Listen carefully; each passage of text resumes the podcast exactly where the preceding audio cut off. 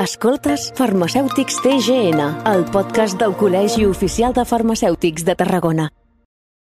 Benvinguts i benvingudes a un nou episodi de Farmacèutics TGN, el podcast, l'espai de Ràdio Ciutat de Tarragona amb el Col·legi Oficial de Farmacèutics de Tarragona, aquest espai que ja sabeu que ens serveix per conèixer en més detall doncs, el motiu de ser la tasca i el dia a dia del sector farmacèutic i també envers la ciutadania. Avui, en aquest episodi, parlem i celebrem la Setmana Sense Fum.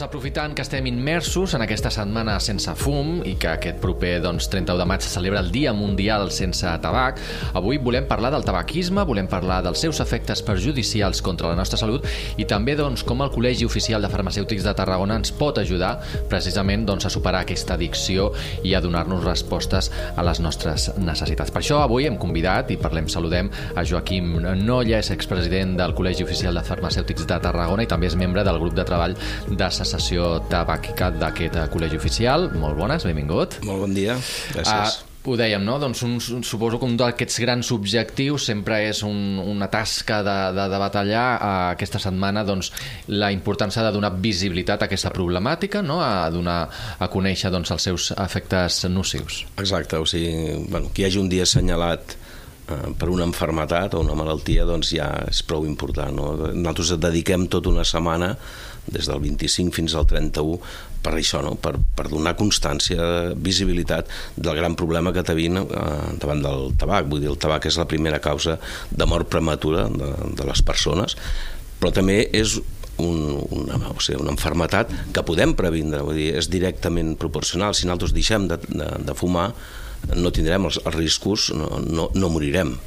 A Catalunya pràcticament per culpa del tabac eh, cada any moren al redor de 10.000 persones Vull dir que, que és una xifra molt molt alta uh mhm. -huh. És una xifra que s'ha anat millorant o empitjorant amb els anys? Bueno, eh, jo crec que amb la llei del tabac amb la conscienciació va haver una baixada una davallada important amb, la, amb les xifres però últimament eh, hi ha un estancament vull dir, em sembla que si no recordo malament l'any passat únicament s'havien baixat dos, dos punts percentuals vull dir, estarem ara al redor de un 22-23% 40% de la població total de Catalunya és o fumadora diària o bueno, d'aquestes de dir doncs, avui fumo, demà no fumo, però bueno, eh, estem en aquestes xifres, que és unes xifres molt altes. Mm -hmm. No sé si també hi ha una incidència en l'edat, si cada vegada es comença a fumar uh, bueno, més aviat. Sí, sí, també hi ha un estudi eh, que a més sortia que precisament Catalunya era la comunitat on més aviat eh, els nens començaven a, a fumar, no? i està per sota de, dels 14 anys.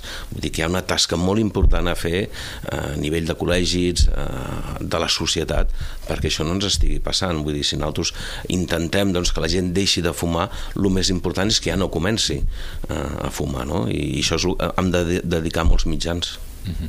Quins són precisament doncs, aquests mitjans, aquestes campanyes que, que dueu a terme i sobretot en aquesta, en aquesta setmana? Sí, a veure, eh, nosaltres la, la farmàcia sempre hem dit que és l'espai sanitari eh, de cara a la població més proper, o sigui, per la seva doncs, proximitat, proximitat, la confiança que tens, eh, doncs, eh, això ens facilita doncs, ser l'espai ideal per fer campanyes de, de promoció de la, de la salut i prevenció d'enfermetats. De, I aquí estem parlant de lo que és clàssic, clàssic, el que ha de fer l'oficina farmàcia, no?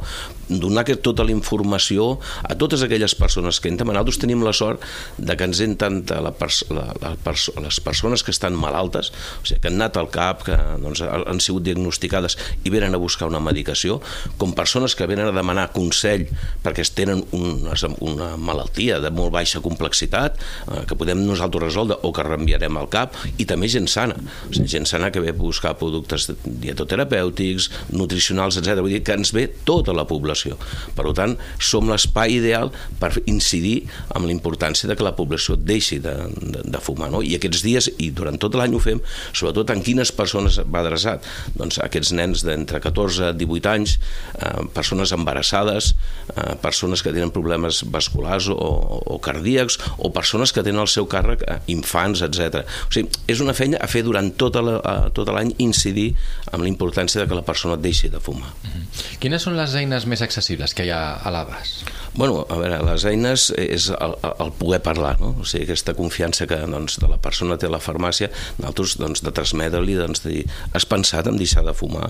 Eh, perquè, clar, pot ser que estigui en un estadi de, en un estadi de dir no, no vull deixar de fumar, o ja m'està bé fumar, no veig que tingui cap problema, i tu has de començar a incidir, bueno, però potser que a la llarga, sempre amb missatges molt curts, eh, sempre amb missatges positius, o sigui, de dir, escolta, si deixes de fumar podràs aconseguir això, podràs fer lo altre, o sigui, missatges que entrin molt, molt ràpid, eh, i, de, i depèn, de, com que et deia, vull dir, si és una persona doncs, que sí, que s'està plantejant reforçar, no? de dir, doncs, escolta, val la pena dir, eh, que deixis de fumar, posem un dia, busquem una situació, o sigui, depèn de, de com aquella persona que tu en aquell moment captes, perquè doncs, estàs fent una, una dispensació d'un medicament, dius, escolta, no seràs fumador, perquè tu aquest medicament, o et venen a fer una presa de pressió, de dir, escolta, tu tens l'atenció alta, que has fumat, que...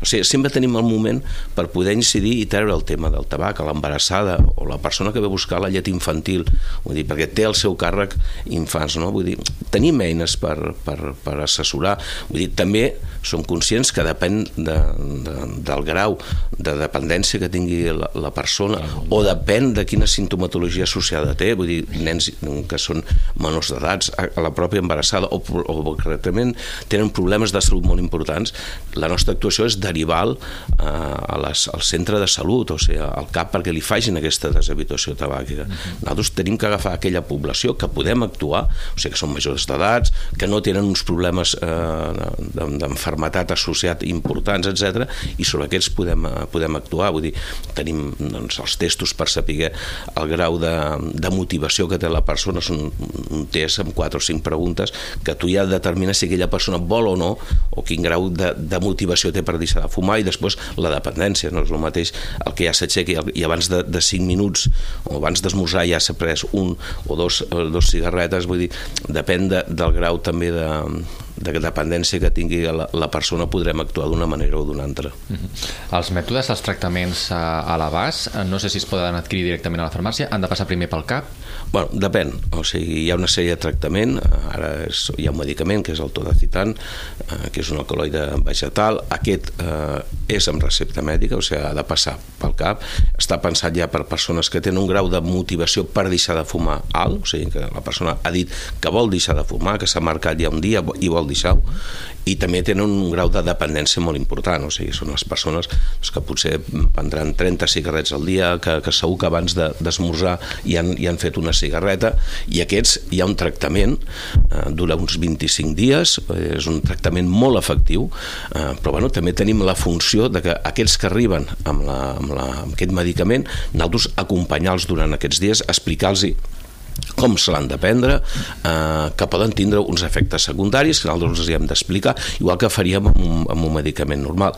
Què tenim? Eh, a part d'aquest medicament, sí, les farmàcies doncs, tenim tot el que serien el tractament substitutiu, que serien el que, doncs, els pagats, els xiclets de, de nicotina, eh, doncs que podem fer un tractar, es poden tractar aquestes persones durant aquells dies, depenent també del, del grau de dependència que tinguin, i a partir d'aquí doncs, fer-los un seguiment doncs, cada, cada X dies per valorar com se troben, eh, si doncs, bueno, veiem que hi ha possibilitat de, de que hi hagi una recaiguda. La recaiguda no és un fracàs.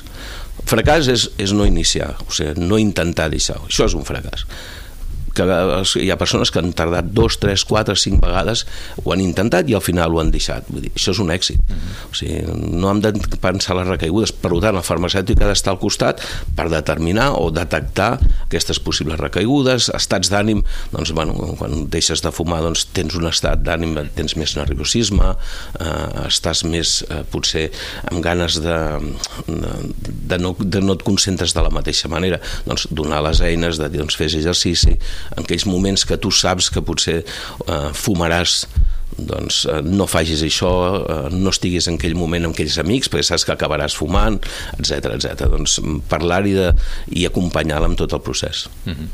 En altres episodis de Farmacèutics a TGN hem conegut doncs, com el Col·legi Oficial de Farmacèutics de Tarragona doncs, té diversos grups de treball, un és mm -hmm. precisament el de cessació tabàquica, com dèiem, del que vostè és membre. Suposo que aquesta és la principal funció i no sé si més enllà de les farmàcies també fan algunes visites o xerrades bueno, a, en altres indrets. Sí, a veure, nosaltres la nostra feina, o sigui, primer és formant-nos eh, per poder formar, o sigui, poder doncs, eh, saber tot el que abraça tot el, el tema de, de tabac, també per anar a fer xerrades a la població, però fonamentalment o sigui, és per formar aquell farmacèutic que estarà davant del, del peu del canó i que durant el llarg del dia pot fer una feina molt important en el procés de, de cessació tabàquica. Vull dir, és un grup de treball, de, jo crec, dels més antics de, que tenim a, a, al col·legi.